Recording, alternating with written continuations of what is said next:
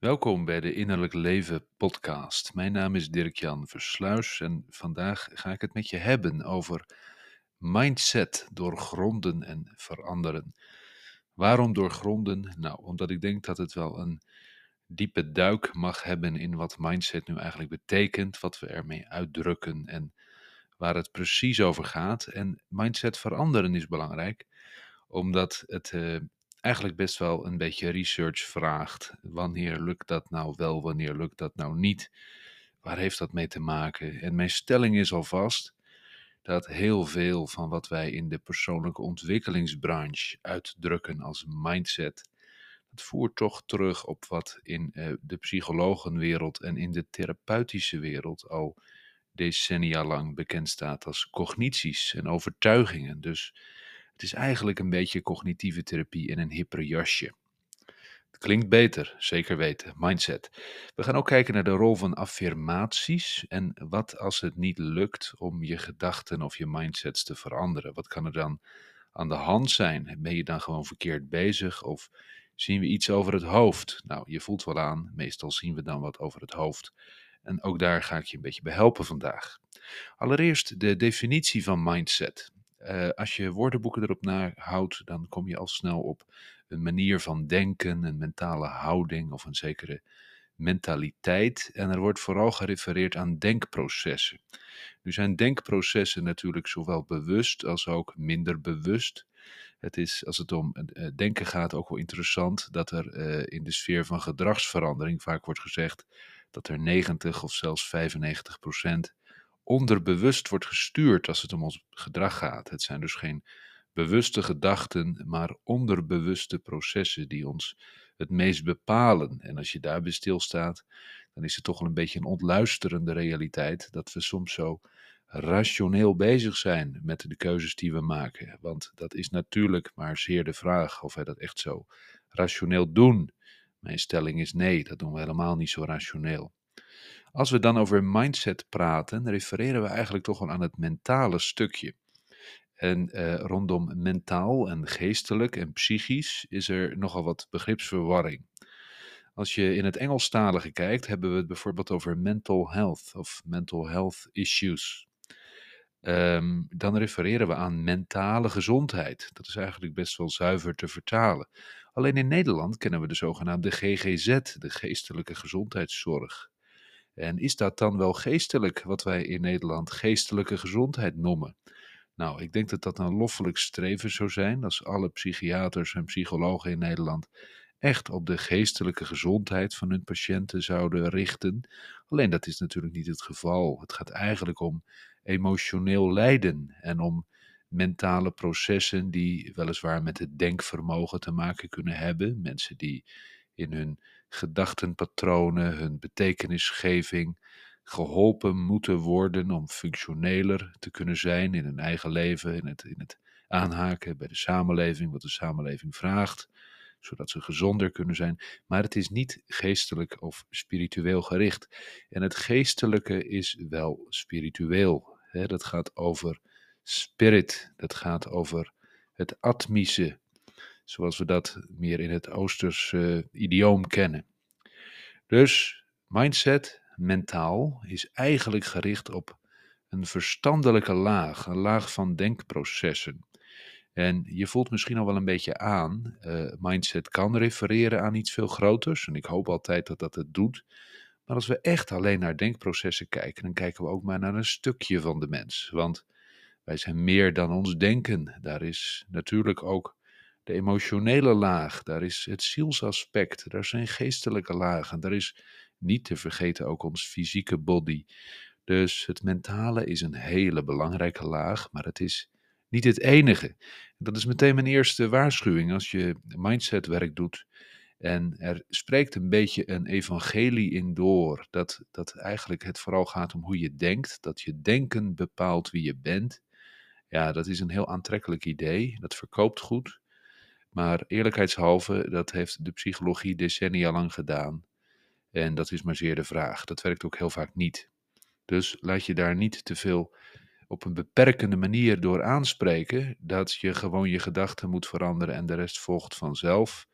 dat is meestal een beetje een beperkend mensbeeld en ook een beetje een beperkend wereldbeeld. Hoewel ik wel begrijp waar de gedachte vandaan komt en ook denk dat het wel degelijk een, een kansrijk en een goed model is.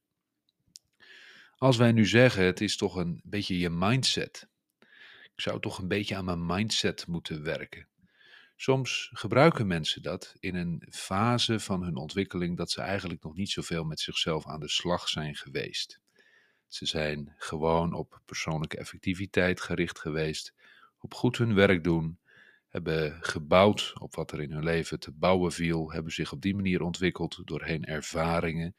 En als je dan zegt, het is een beetje mijn mindset en ik wil naar mijn mindset gaan kijken, kan dat juist een hele verdiepende bedoeling hebben. Eigenlijk, ik ga eens even met mezelf op de sofa om te zien hoe mijn binnenwereld er nu eigenlijk uitziet. Hoe ik werkelijk denk, hoe mijn overtuigingen zijn over mezelf en over anderen. Dan kan mindset natuurlijk ongelooflijk verdiepend zijn en heel erg goed om naar te kijken. En ik denk dat iedereen dat stukje zelfkennis en een stukje research naar zichzelf zou moeten doen. Zeker als je bedenkt dat in die betekenis je mindset natuurlijk heel bepalend is voor wat je dagelijks doet, wat je te veel doet, wat je vermijdt, waar je inflexibiliteiten, je reactiviteiten zitten, dan is mindset denk ik een heel passend begrip.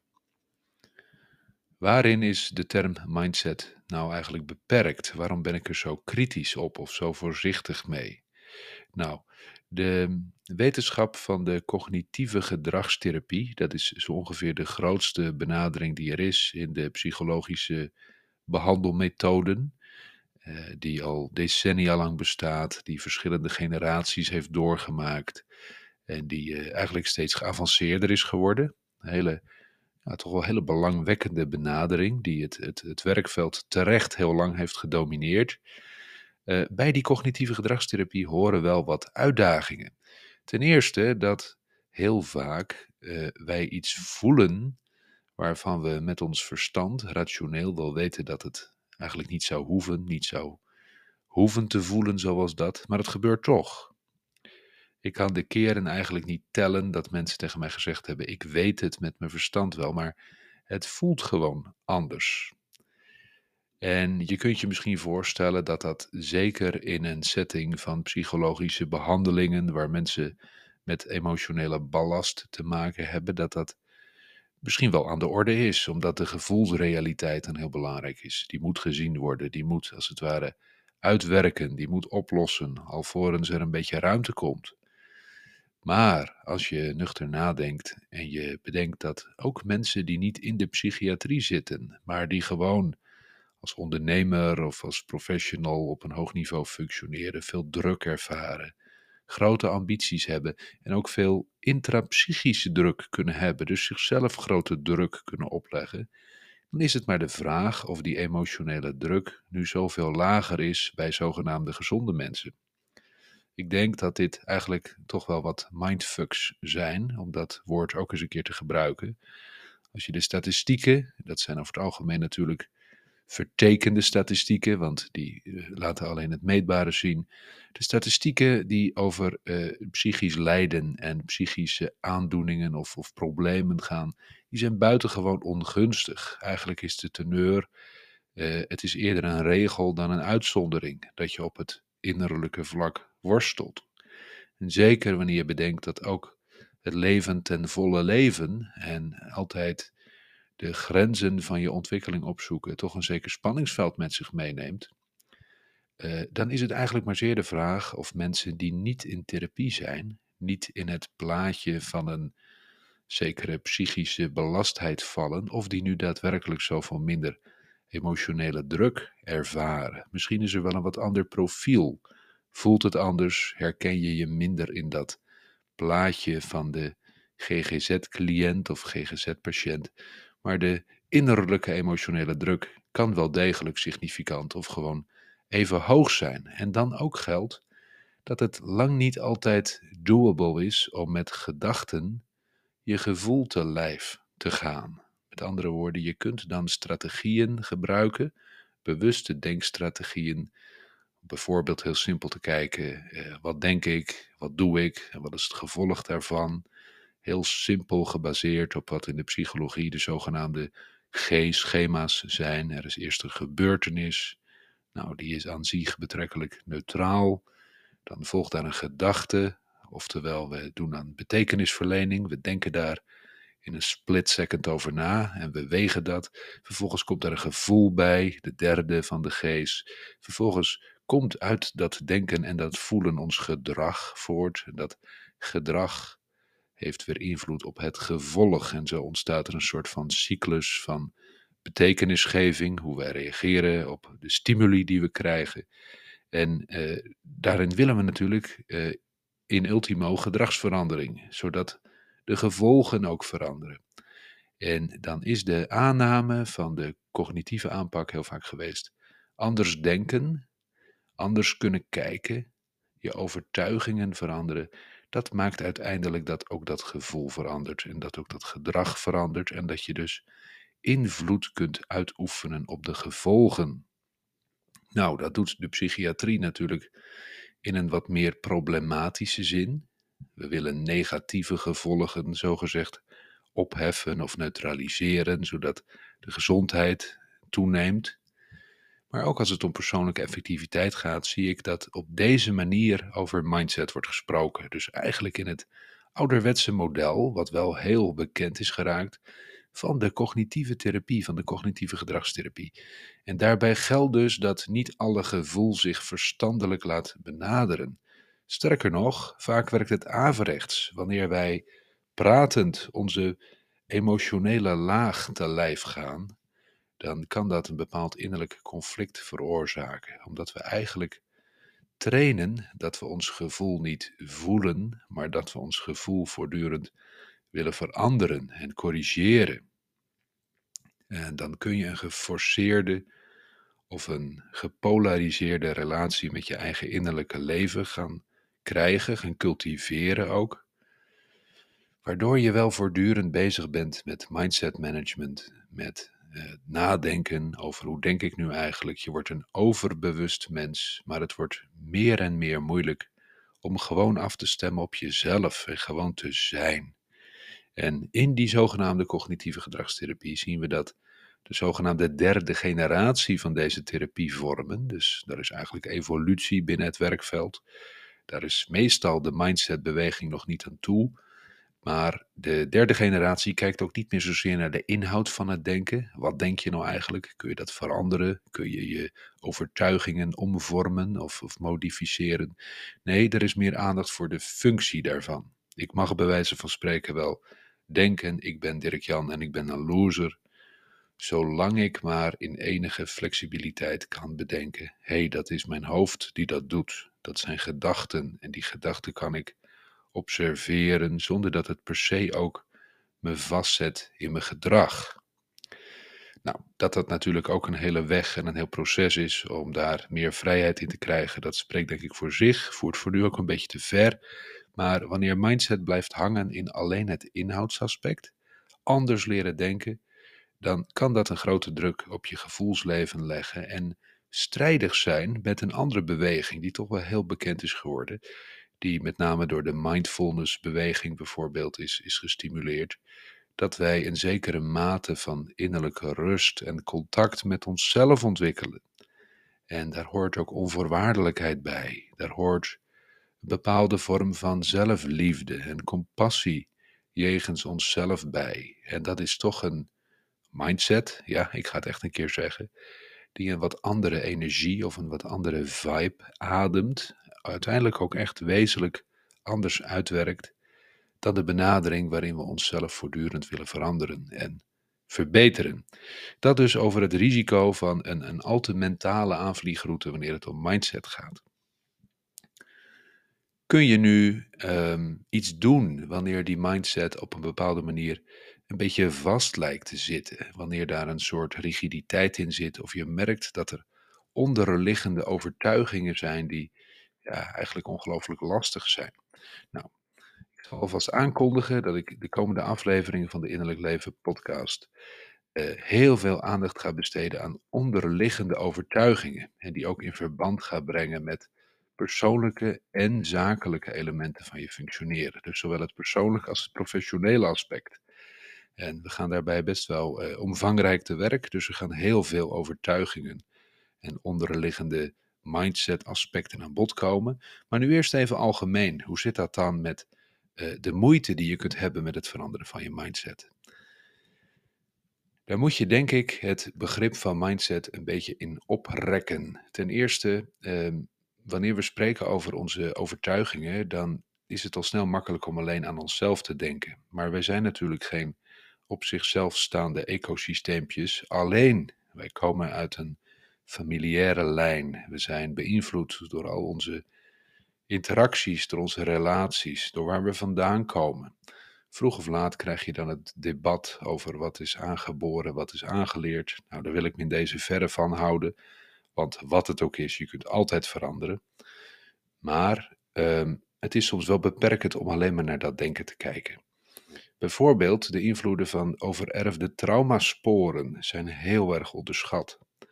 Wanneer je ouders of grootouders met emotionele thematieken hebben geworsteld, die gewoon bepalend zijn voor hoe ze naar de wereld kijken. En dat kijken naar de wereld ook als het ware onbewust en bewust doorgeven aan kinderen, dan is het wel degelijk zo dat ten aanzien van thematieken van geld, van succes, van politieke kleur, van levensbeschouwelijke onderwerpen, verschillende regio's in Nederland bijvoorbeeld verschillend gekleurd kunnen zijn, verschillende sociale klassen verschillend gekleurd kunnen zijn. Wij kunnen anno 2024 wel denken dat we over de arbeidersklasse heen zijn. Maar als ouders en grootouders daar nog van alles van hebben meegekregen, zit dat toch ergens in je systeem en kan dat wel je overtuigingen kleuren. Dus mindset als zodanig nodigt ook wel uit om een beetje dieper te kijken. Van wat heb ik eigenlijk onbewust aan een stukje vorming, aan betekenisgeving meegekregen? Dat kan eigenlijk een rol spelen wanneer uh, mindsets moeilijk te veranderen zijn.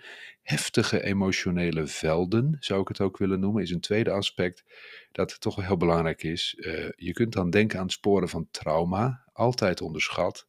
Want dat is niet alleen die enkelvoudige PTSS na een verkeersongeval. Dat weet iedereen zo langzamerhand wel, dat daar een bepaald klachtenpatroon bij kan horen. Maar juist onder water zitten vaak traumasporen in de sfeer van emotionele verwaarlozing, de leegte die door allerlei familiair trauma kan, kan worden voortgedragen, relationele traumasporen, medisch trauma, eigenlijk wonden, zogezegd, of littekens die veel breder zijn dan alleen dat ene klassieke traumaplaatje. Dat speelt vaak bij mensen een hele grote rol in hun ontwikkeling, omdat daar een remming vanuit kan gaan. Daar zit een last op ons systeem. En uh, die is meestal niet mentaal, maar die zit ook echt in ons lijf. Allereerst.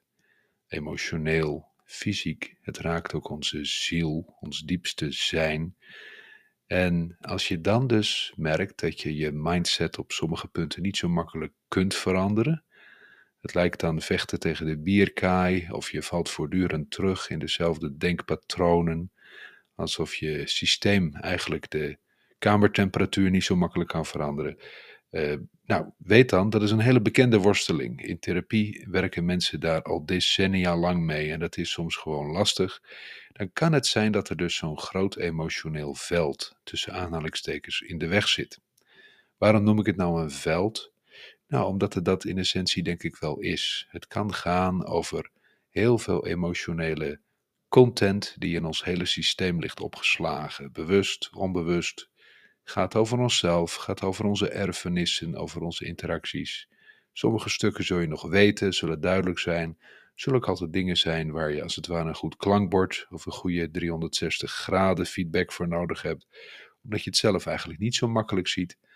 Maar het is eigen aan ons systeem dat emoties op een bepaalde manier wat dieper in ons brein zitten dan het rationele denken. Overigens, letterlijk, de gevoelsstructuren en de overlevingsstructuren in ons brein onttrekken zich in belangrijke mate aan die verbale en rationele sturing die wij kunnen hebben als het over andere dingen gaat.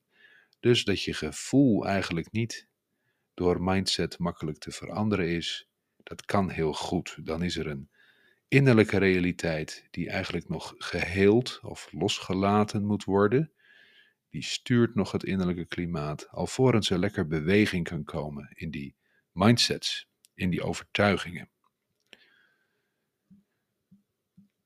Soms is het ook belangrijk om even te kijken naar affirmaties. Juist wanneer het gaat over mindset, lijkt het zo makkelijk en zo aantrekkelijk om jezelf onder een soort van positieve mind control te plaatsen. Kun je jezelf niet herprogrammeren? Kun je dat doen met bumperstickers, met koelkastmagneten, met subliminal messages, met zelfhypnose? Uh, ik denk dat het antwoord in principe ja is. Het is ook duidelijk aangetoond, ook in wetenschappelijk onderzoek, dat die affirmaties wel kracht hebben. En grote goeroes als Wayne Dyer bijvoorbeeld hebben eindeloos veel aandacht besteed aan het werken met affirmaties. En natuurlijk is dat ongelooflijk belangrijk en kleurend voor je innerlijke klimaat, voor je bewustzijnsontwikkeling. En die innerlijke bewustzijnsontwikkeling is natuurlijk onlosmakelijk verbonden met de zogenaamde buitenkant in je leven. Dus is dat belangrijk? Ja, dat is zeker belangrijk.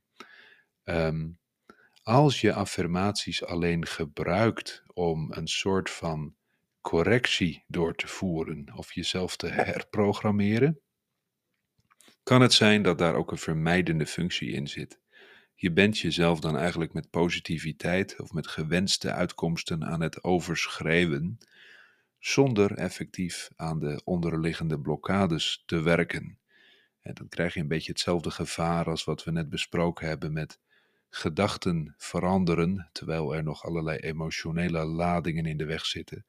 Je gaat dan waarschijnlijk alleen maar een grotere gespletenheid in jezelf creëren. Wat wel heel nuttig kan zijn, is zo'n positieve affirmatie, als het ware, wat je nou echt zou wensen, richting liefde, richting zelfontplooiing, richting persoonlijke effectiviteit, zingeving om die uit te spreken en als het ware te luisteren hoeveel weerstand of hoeveel frictie er dan opkomt in je lijf, in je hoofd, in je gevoelsleven, fysiek ook in je body. Dat kan namelijk wel een hele adequate meting zijn voor het innerlijke klimaat.